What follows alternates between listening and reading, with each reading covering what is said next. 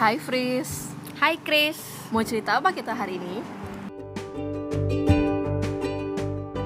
Hari ini kita bakal cerita tentang bagaimana Friska dan Kak Christine menghadapi eh, situasi work from home atau yang lagi kita hadapin ini kan pandemi ini gede banget udah lama tinggal di udah lama tinggal di rumah. Tapi sebelumnya kayaknya asiknya ngobrol-ngobrol Iya biasa dulu dong. kali ya Kak. Soalnya kita udah lama banget gak ketemu kayak terakhir kali beneran ketemu tuh episode lalu nggak sih pas rekaman episode yang lalu Iya, bener banget. Kayaknya udah satu setengah bulan, bulan. mungkin udah hampir dua Oh, oh, oh. bulan nggak ketemu.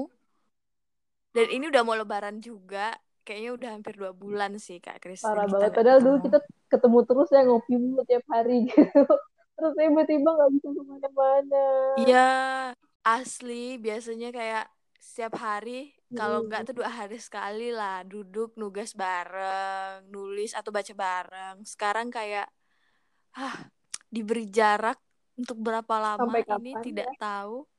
hidup di dalam Menyedihkan ya. Priska gimana Iya, kabarnya banget. by the way baik-baik aja kan sehat Oh, Friska sehat. Alhamdulillah masih masih punya dua tangan, dua kaki, wis lebay. Tapi masih sehat, masih sehat. Pastinya masih masih sehat dan masih waras sampai sekarang Itu walaupun sudah berdiam diri di rumah. Wah, Iya. mengikuti perintah pemerintah untuk tetap menjalankan aktivitas di rumah, menyelamatkan dunia. Tapi Friska baik-baik aja. Kuliah online. Kalau Kak Christine masih kerja, bagaimana Kalau kabarnya? kabarnya sih baik-baik aja sih santuy gitu ya, slow banget hidupnya yang biasanya rushing, terus tiba-tiba kayak I have a lot of free time karena emang sih masih kuliah dan kerja juga. Iya. Eh, tapi tuh kayak udah nggak seintens dulu gitu loh. Jadi kalau misalnya mungkin Friska di rumah aja, di rumah aja kan nggak ke mana-mana ya. Nggak, nggak ke mana-mana sih, Friska. Ke Indomaret juga kayaknya seminggu sekali gitu. Biasanya orang rumah udah belanja duluan gitu. Apalagi kalau puasa tuh pasti bapak atau ibu Friska gantian yang ke pasar. Jadi udah lama tidak bawa motor Awas lupa ntar cara bawa motor. Ntar jadi kayak Kristen lagi motor. Anyway, eh, ya begitulah Latihan lagi nanti. Iya. kehidupannya baik-baik saja. Cuman pastinya bosen sih karena Kristen emang masih kerja. Cuman ke tempat kerja itu kayak cuman dua kali dalam satu minggu. Jadi kayak rolling dan orang di kantor itu cuman sedikit doang. Kalau kuliah juga karena nggak terlalu ngambil banyak mata kuliah, jadi online semua kan. Jadi chilling banget hidupnya. Terus kayak gitu gak sih? banget. Kayak slow, kadang-kadang bosan. Iya. Kalau Friska juga kayaknya kan di rumah kan nggak bergerak. Kalau Kak Christine masih ada beberapa hari pergi ke kantor gitu kan. Kalau Friska tuh benar 24/7 di rumah. Kalau pindahnya itu kalau nggak ke dari kamar, pindah ke ka- ruang makan, pindah ke ruang tamu, pindah ke WC, balik lagi ke kamar. Kan gitu doang. Maksudnya kayak sekitaran gitu doang. Jadi kerjaannya tuh ya memang slow. Misalnya mau ngerjain tugas, ngerjain. Kalau ada kelas, oke ikut kelas. Kalau lagi pengen nonton, oke kita nonton. Kalau kita lagi mau baca, oke kita baca. Pokoknya Hidupnya holiday banget gitu Kayak- ya. Kayak apa pun yang mau dilakuin. Ah-ah. Iya, kadang mikir kayak apakah ini liburan yang dikasih Tuhan karena selama ini terlalu banyak banyak jalan-jalan di luar mengerjakan sesuatu hal. Tapi memang cukup membosankan sih. Kalau Kak Aksin ngerasa lama-lama kayak jenuh enggak sih karena kayak aduh sudah lama di rumah Pasti gitu. sih. Dan karena mungkin teman-teman juga merasakan hal yang sama kalau misalnya awal-awalnya tuh pas corona, oh I mean pas karantinnya ya bukan coronanya itu kayak excited banget karena kayak wah akhirnya dapat free time terus kayak nonton seharian, baca buku, senang-senang seharian. Terus kayak udah beberapa hari langsung bosan Bener, banget bener. gak sih?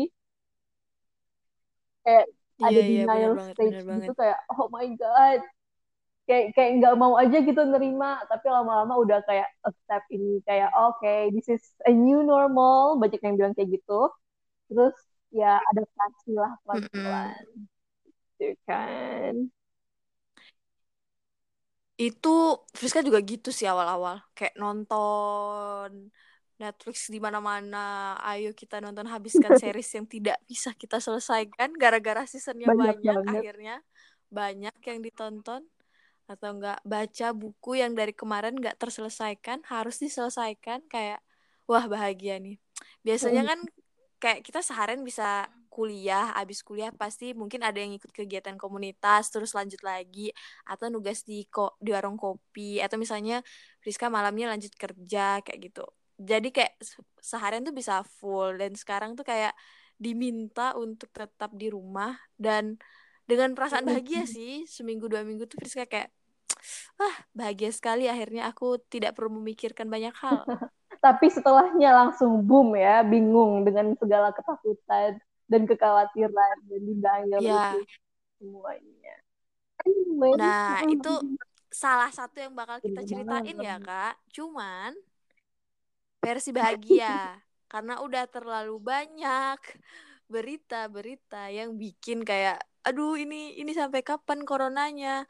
Aduh kita bisa selamat gak ya habis ini? Aduh apakah kita harus hidup berdampingan dengan corona? Nah itu kan banyak banget menemukan kayak berita-berita yang bikin dampak negatif kalau kak Kristin pernah uh, membaca berita yang bikin dampak negatif ke diri kak Kristin besar gitu nggak sih? Uh, awal-awalnya sih ya. I mean pas awal-awal itu kan kita bener-bener dibombardir banget ya sih. I mean pas awal-awal itu kita banyak dapat uh, berita tentang corona, cuman kayak pemerintah itu kayak denial banget dan kayak bilang oh this is okay gitu bisa yeah, yeah, uh, Indonesia nggak bakalan kena imunnya kuat udah biasa uh, apa main kotor-kotoran segala macam jadi nggak bakalan kena. Yeah, bener, dari awal aja tuh kayak udah berjemur oh, berjemur udah berjemur. kayak gitu gitu kan. Jangan lupa berjemur. Iya dengan ritual-ritual yang agak aneh dan gak masuk akal sebenarnya.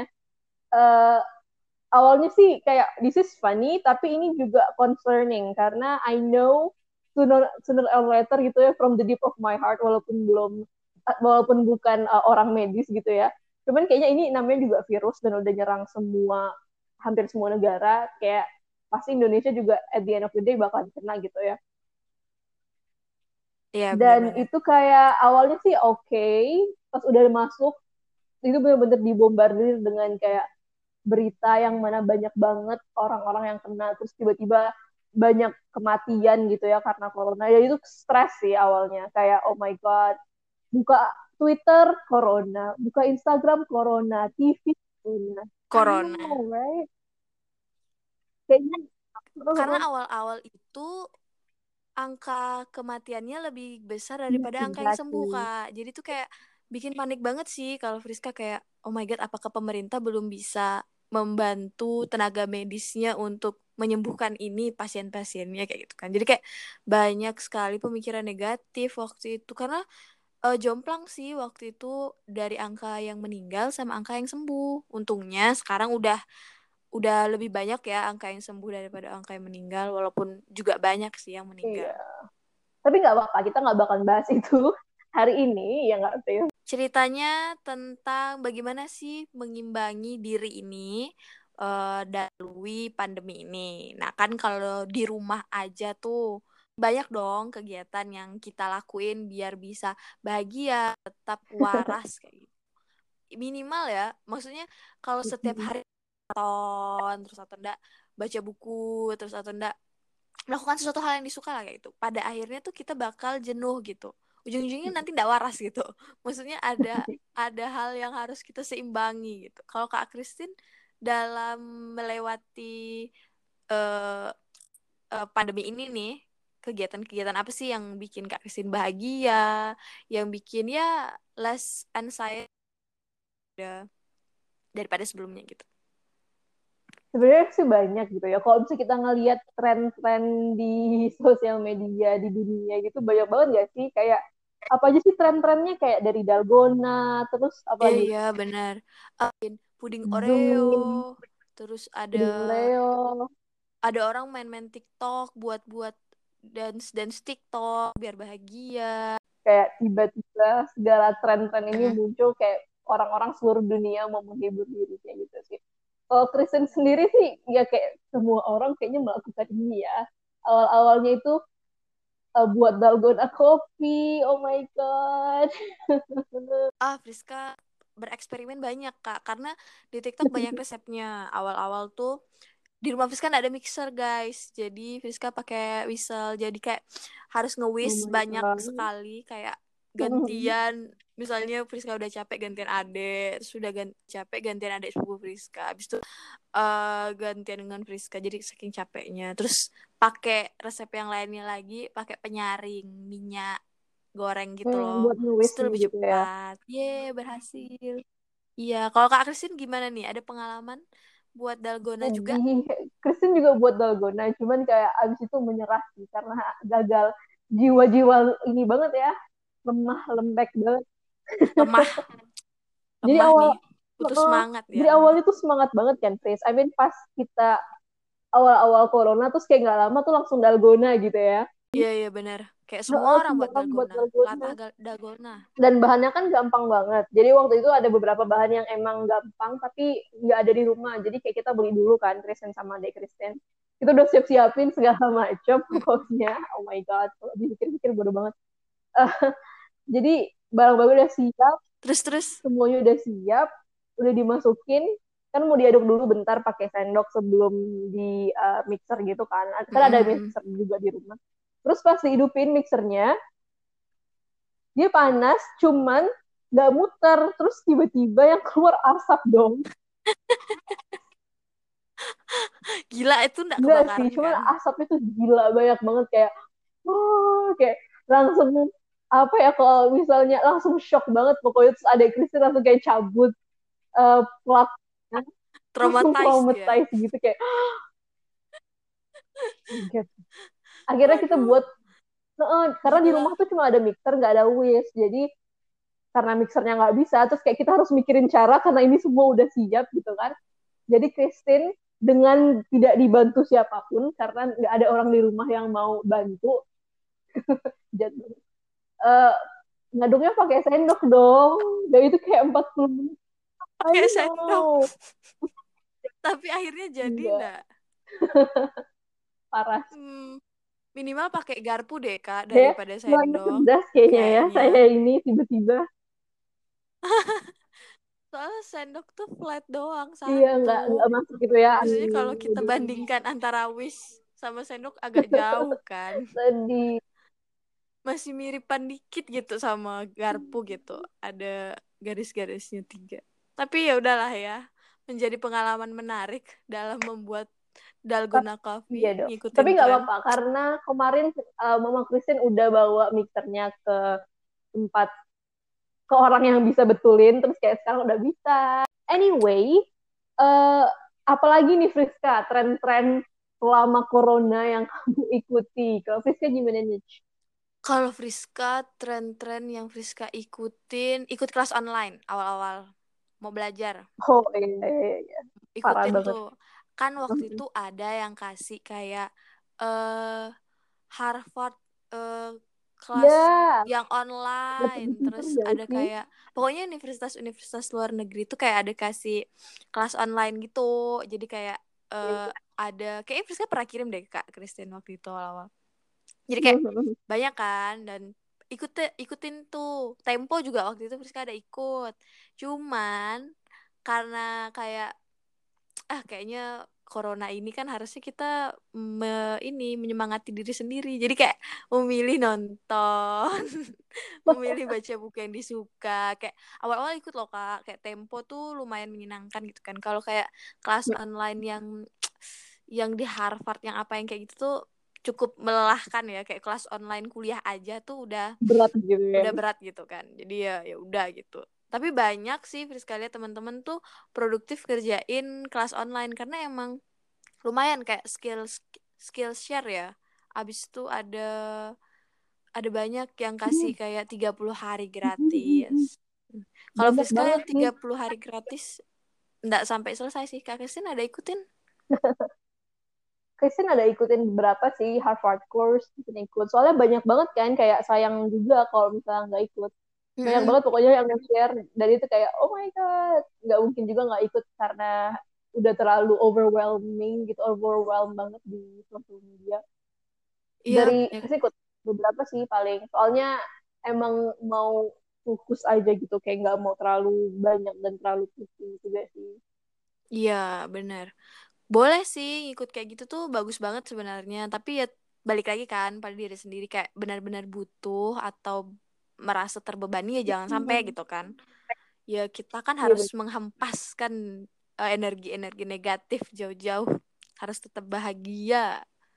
Ngomongin Iya. bahagia nih Kak. Tetangga Friska tuh lebih bahagia rasa Friska. Mau tahu satu cerita nggak selama corona ini? oke tuh, Jadi, kan kita puasa. Nah, kalau puasa kan biasanya kalau Friska sih tim abis sahur tidur lagi. Agak-agak gimana ya, kesalehannya agak-agak sedikit gitu. Nah, jadi kalau bangun tiba-tiba nanti kayak jam 8, jam 9 itu kebangunnya gara-gara tetangga Friska nyetelin lagu dangdut gede banget. Saya itu kayak kayak jadi kayak satu gang satu gang tuh bisa dengar Ras Friska. Kayaknya orang-orang tuh kebangun gara-gara dia setel lagu dangdut. Tapi kalau udah sore lagunya lagu religi gitu. Ramadan vibes obat banget. dia? Iya. Hmm, Jadi kayak- obat ya jadi kayak beda gitu loh. Kayak pagi-pagi tuh sawer-saweran gitu kan. Terus sorenya tuh kayak Ramadan tiba Ramadan tiba kayak gitu. Kayak benar-benar mau menyambut. Jomplang banget gak sih Iya. jadinya? tapi jadi menarik karena memang mau menyemangati diri gitu kan di tengah Iya, corona. dia kayak ya ngapain sedih-sedih gitu kan. Nah jadi kayak dia beres-beres pagi-pagi harus semangat pakai dengar lagu dangdut terus sore-sore masak buka puasa sambil dengerin lagu religi. Mantap kali kan? Aduh tetangga Friska emang keren. Apalagi dia mungkin nggak ada kegiatan gitu pas pagi. I mean biasanya kalau misalnya hari biasa kan kita masak atau apalah karena untuk lunch dan breakfastnya. Tapi kayak karena puasa mungkin dia nggak ada kegiatan gitu ya. Dan mungkin iya iya. Kayaknya sih itu sih. kerjaannya gimana. Ta- tapi jadi lucu sih. Jadi kayak eh ada ada inilah apa namanya vibes yang energi positif lah setidaknya. Walaupun kalau dengerin lagu dangdut agak-agak ini ya agak-agak menyebalkan kadang-kadang kalau tiap hari teman-teman. Tapi lucu sih. Anyway, eh, ada hal hal lain gak nih yang Priska ikutin selama ini? Kan banyak banget dari Zoom bombing, terus Google Meeting bombing, Oh, iya. StreamYard, segala macem. banyak banget Atau mm, mm, banyak juga kan yang kayak picking up skills selama um, corona gitu-gitu kan.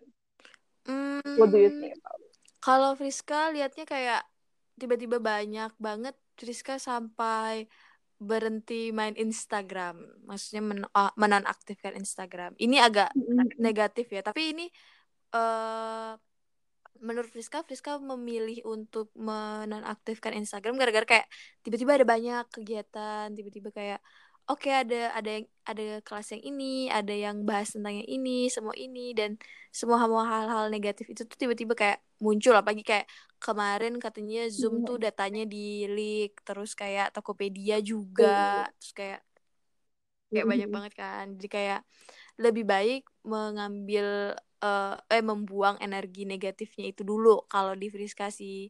Jadi kayak dan beberapa teman-teman Friska juga Friska lihat memilih untuk eh, stop gitu loh kak main Instagram sementara. Either gara-gara gara-gara lagi banyak berita yang negatif. Kalau kak Christine kayak gimana ngelihatnya Oh, jadi itu kayak keputusan Friska, salah satu keputusan Friska yang Friska ambil selama uh, gitu ya. keputusan pertama yang Friska ambil selama karantin itu ya menonaktifkan Instagram dari sebelum puasa nih sebenarnya Kak Christine.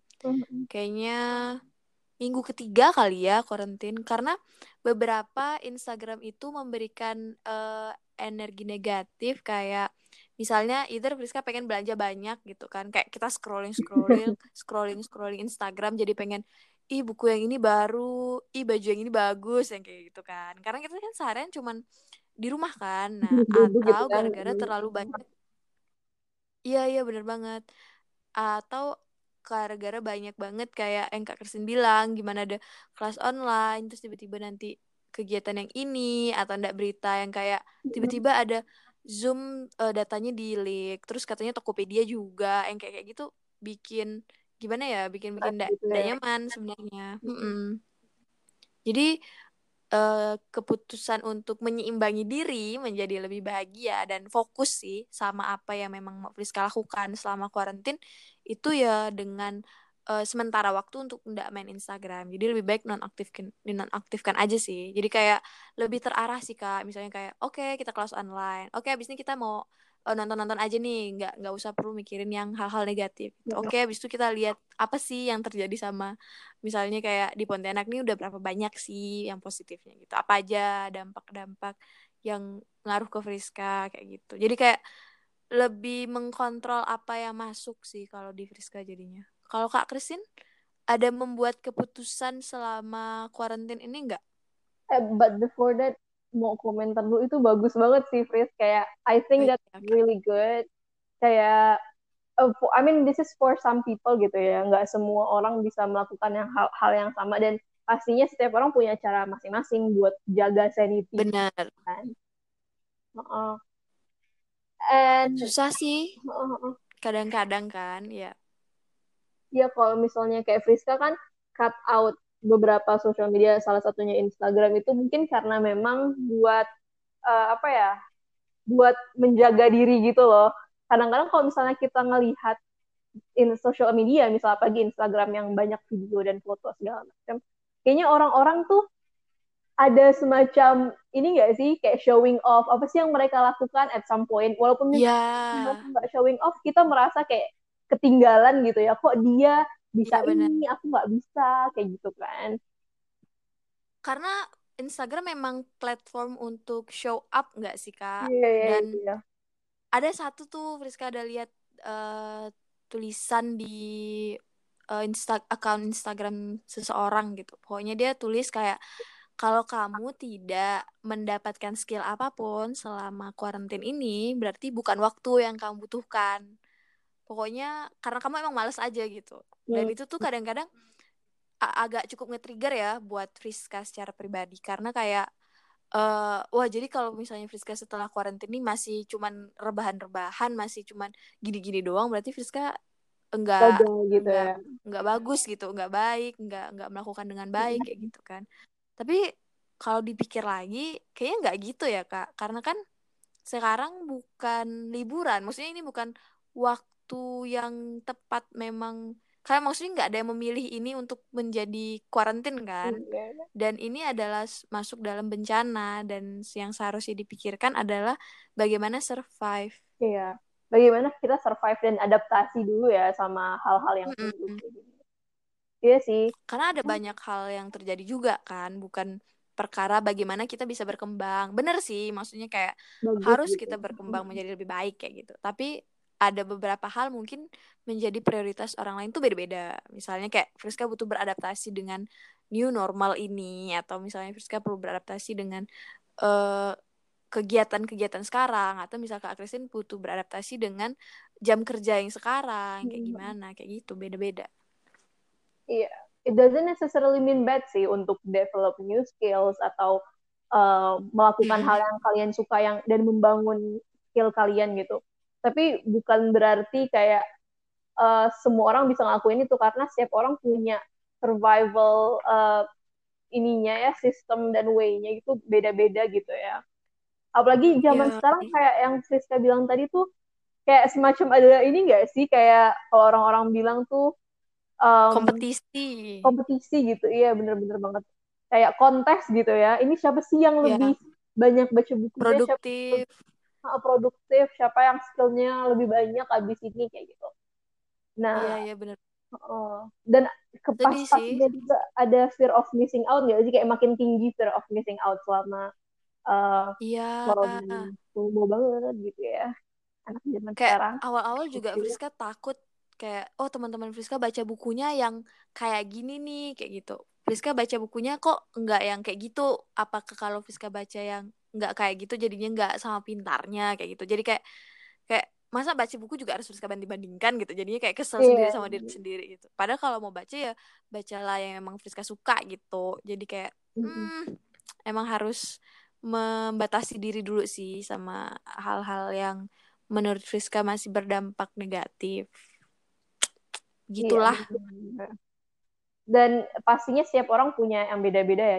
Kalau Kristen sendiri sih masih main Instagram dan sekarang lebih sering buka Twitter sih jadinya juga karena lucu orang-orang di Twitter. Makin Kalo sering di Twitter juga receh ya, receh banget receh banget gitu. Bagus bagus. Baguslah sekarang sudah bisa membatasi diri Fiska. Kalau Kak Kristin ada keputusan yang diambil selama kuarantin ini? Kan kalau Fiska menonaktifkan Instagram, Kak Kristin menonaktifkan masa tidur, eh kayak gitu ya?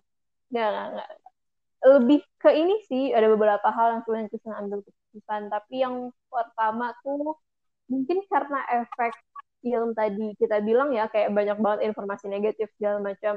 Jadi kalau pagi-pagi Kristen kan orangnya cukup ini ya morning person ya kalau dibanding uh, nggak bu bukan night owl gitu ya Uh, iya, iya, bangun awal banget ya Anda. Iya, saya bangun awal kalau pagi-pagi. Bangun awal terus kayak one of my biggest decisions sih sebenarnya dan I'm I, I really like it. It's pretty good. Uh, jadi pas bangun uh, uh, bangun gitu kan, terus pasang alarm, alarmnya bunyi, terus langsung dimatiin dan langsung ngecas HP. Jadi biasanya kan kalau dulu ngecas HP-nya malam-malam sebelum tidur gitu kan atau pas tidur.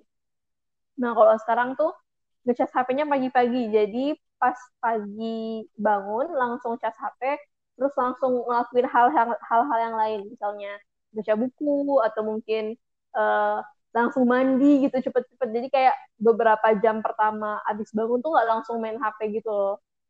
And I hmm. I think that's what I need sebenarnya. Uh, uh, uh. Itu juga salah satu alat uh, kegiatan Kak Kristin untuk membatasi informasi kali ya dari pagi. Biar kayak pagi-paginya iya. kayak ndak ndak dapat mood jelek gara-gara informasi yang jelek iya bener banget. Dan juga karena ini sih I realize my screen time tuh makin tinggi gitu selama corona. Dan it's something it's it's hard to deny gitu. Karena emang kebanyakan entertainment kerjaan segala macam di HP kan. Dan karena kuarantin juga jadi jarang ketemu orang makin harus pakai zoom makin harus pakai Google Meeting pakai Google Docs segala macam. Iya, Uh, jadi kayak oke okay, kalau misalnya nggak bisa kontrol nggak terlalu bisa kontrol kerjaan atau kuliah kayak kurangin screening time untuk kuliah atau kerja jadi kayak kurangin dari pagi dulu gitu. Ya begitulah. Jadi bisa kuliah saja. Benar-benar. Sama ini juga Chris. Kristen baru ini aduh tidak dari dulu kan Kristen pengen banget main ukulele gitu ya. Oh iya Friska pernah lihat ukulelenya. Iya. Terus karena uh, emang gak ada waktu dan motivasinya mungkin agak kurang tinggi gitu ya. Jadi pas selama karantina tuh kayak bosan mau ngapain. Jadi kayak belajar ukulele gitu sendiri masih jelek banget sih mainnya. Cuman seneng aja gitu kalau misalnya ada sesuatu yang dimainin gitu.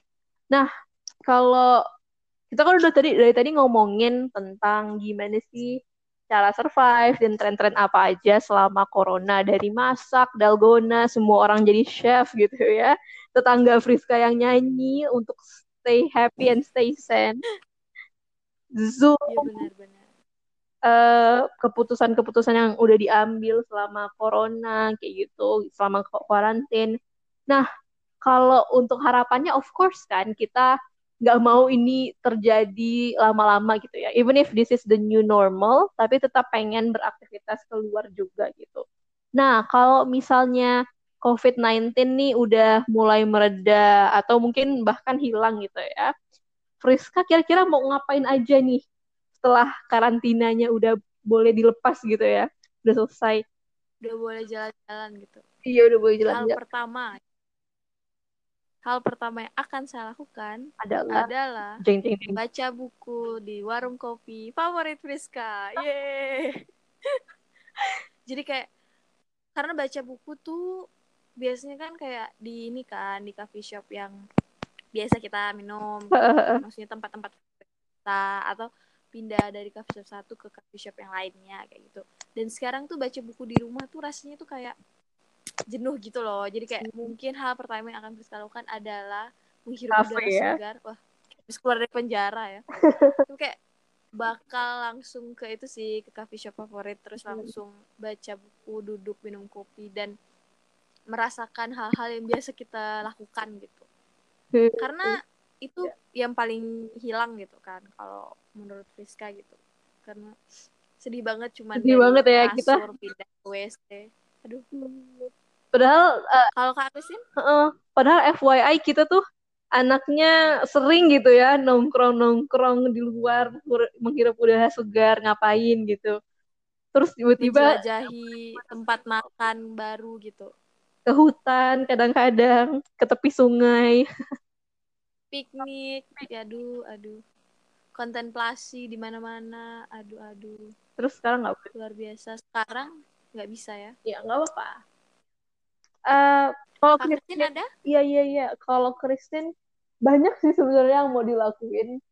Karena oh ada list nih Iya, ada list nih. Tapi kayaknya yang paling utama tuh emang pengen banget gitu bisa salaman sa- dan pelukan sama temen gitu. I mean orang yang ada di luar. Eh, Soalnya selama ini udah of course ya, walaupun Christian masih kerja dan masih ketemu orang, cuman kan kita tuh bekerja juga pakai masker. Terus of course nggak salaman atau nggak pelukan sama teman gitu ya yang biasanya dilakukan. Terus kayak itu hal-hal yang menghilang gitu. Jadi kayak Kristen kangen banget. Mungkin nanti kalau ketemu Friska langsung kayak, ha Friska, selama dua menit gitu ya. Iya, iya, iya. Karena physical distancing kan, jadi kayak secara tidak langsung kita nggak mungkin bisa salaman, nggak bisa berpelukan kayak sesama teman yang memang udah dekat kan biasanya emang sering gitu kan. Iya, Wah, itu pasti banget yang paling hilang sih, benar banget sih Kak Christine. Dan pelukan itu kan men- menenangkan kalau katanya, kata orang-orang. Ya memang jelas menyenangkan dan menenangkan. tapi jangan pelukan sama sembarangan orang ya. Ada Oh iya, iya benar juga. nggak boleh sama orang di tepi jalan tiba-tiba minta peluk nggak baik nggak baik kamu dikira orang gila. Apalagi kalau itu pacar orang teman-teman nggak boleh. Nggak boleh nih astagfirullah. Nggak bagus. Ya begitulah. menarik menarik. Tapi selama eh selama banyaknya hal-hal yang hilang juga tapi kan ada juga nih kak hal-hal yang datang yang baru gitu kan.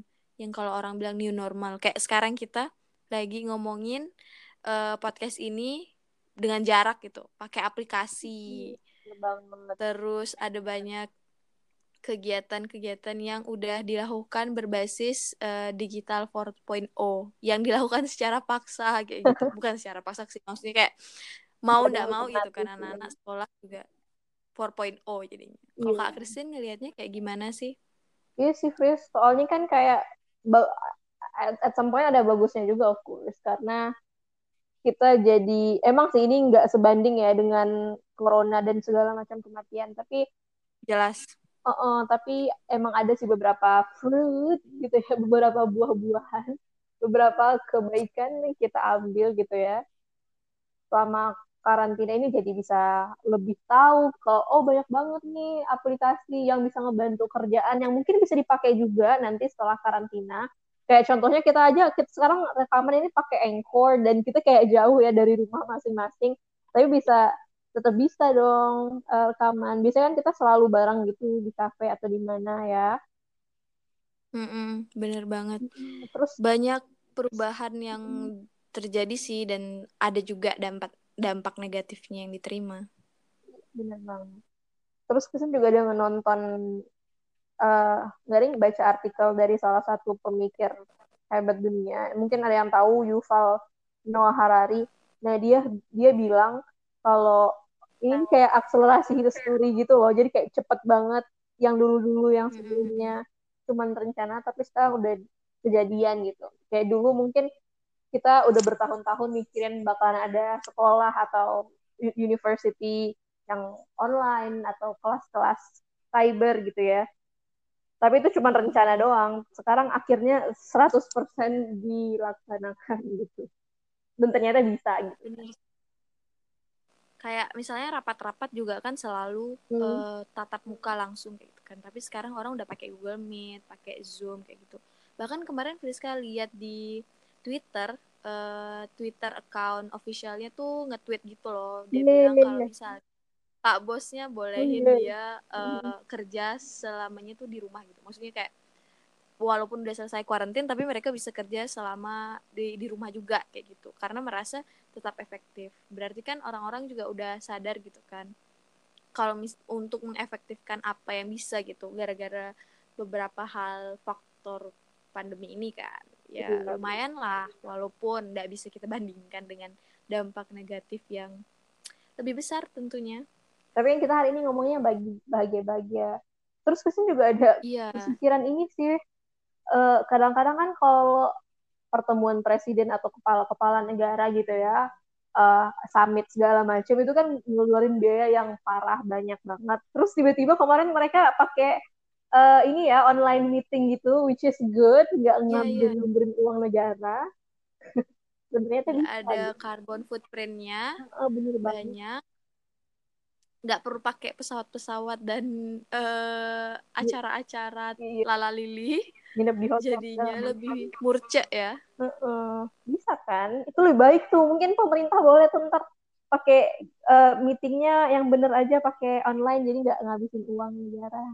iya iya benar kalau pakai pesawat ke mana-mana nanti kan lumayan ya carbon footprintnya belum lagi nanti kegiatan yang mengeluarkan uang ini itu Exact. apalagi kalau misalnya kayak ini eh study apa ya?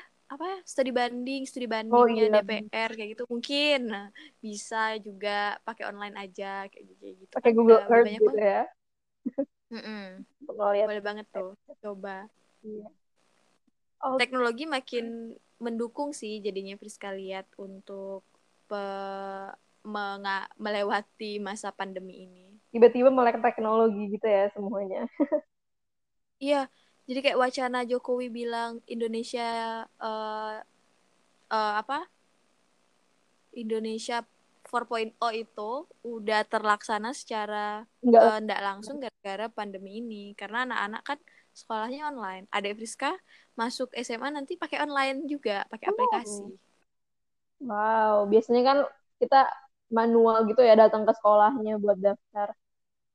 Ya kayak submit ininya dulu kan kayak rapot NIM-nya berapa, hasil ujiannya, SKHU yang kayak kayak gitu. Sekarang kayak katanya sih belum belum ada sih, cuman kayak eh, minggu depan tuh udah ada uji coba aplikasi yang khusus kalbarnya gitu. Wow.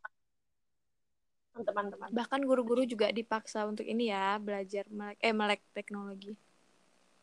Ya benar banget, apalagi kadang-kadang apa eh, ini ya bukannya menstereotipikal, cuman kadang-kadang untuk orang yang lebih tua gitu ya eh, agak nggak mau pakai eh, teknologi-teknologi yang bisa membantu, tapi akhirnya kan jadi pada melek semua dan pada bisa kan akhirnya mantap mantap mantap. Iya bener banget. Apalagi yang ujian kemarin juga pakai online gitu loh kak, pakai aplikasi juga ada Friska yang ujian. Iya, Dan jadi guru juga harus bisa koreksi gitu kan. Maksudnya kayak dapetin nilainya kan pakai aplikasi itu untuk dapetin dan sebenarnya eh, juga memudahkan sama gurunya kan karena udah langsung dinilai gitu. Cuman ya mungkin mengkoleknya aja kayaknya mereka butuh belajar. iya.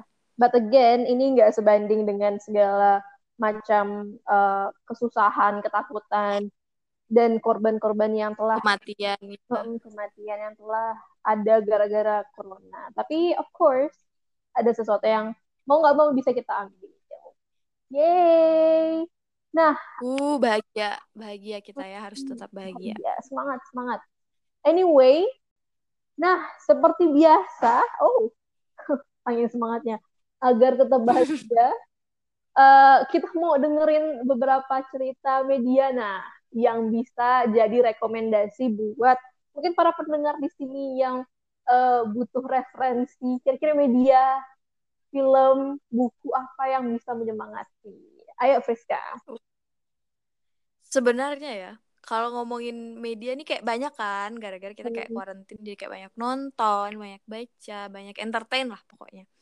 Tapi yang paling Friska pengen rekomendasiin buat teman-teman adalah salah satu series Netflix yang baru keluar, yaitu Never Have I Ever. Kak Kristin udah pernah nonton belum nih? Udah dong, kan Friska yang rekomendasiin langsung Kristen tonton. Ah, Oke, langsung ditonton. Nah, ceritanya tuh eh, menarik gara-gara ngomongin tentang salah satu perempuan India yang tinggal di Amerika. Benar. Nah, dia tuh pengen banget punya pacar, tapi punya trauma eh, kehilangan bapaknya. Nah, jadi ceritanya tuh ringan banget sih, kayak bahagia kayak ya tentang anak SMA, sekolah, percintaan, tapi juga ada bagaimana ngomongin tentang masalah keluarga dia, bagaimana menghadapi tentang rasa kehilangan. Dan itu tuh enak sih diceritain eh, dengan sangat eh, menyenangkan gitu. Mhm. Mungkin gara-gara ngomongin masih karena SMA gitu kan, cerita-ceritanya masih ringan. Relate juga. Jadi kayak cocok banget buat di ditonton selama karantin ini biar bahagia.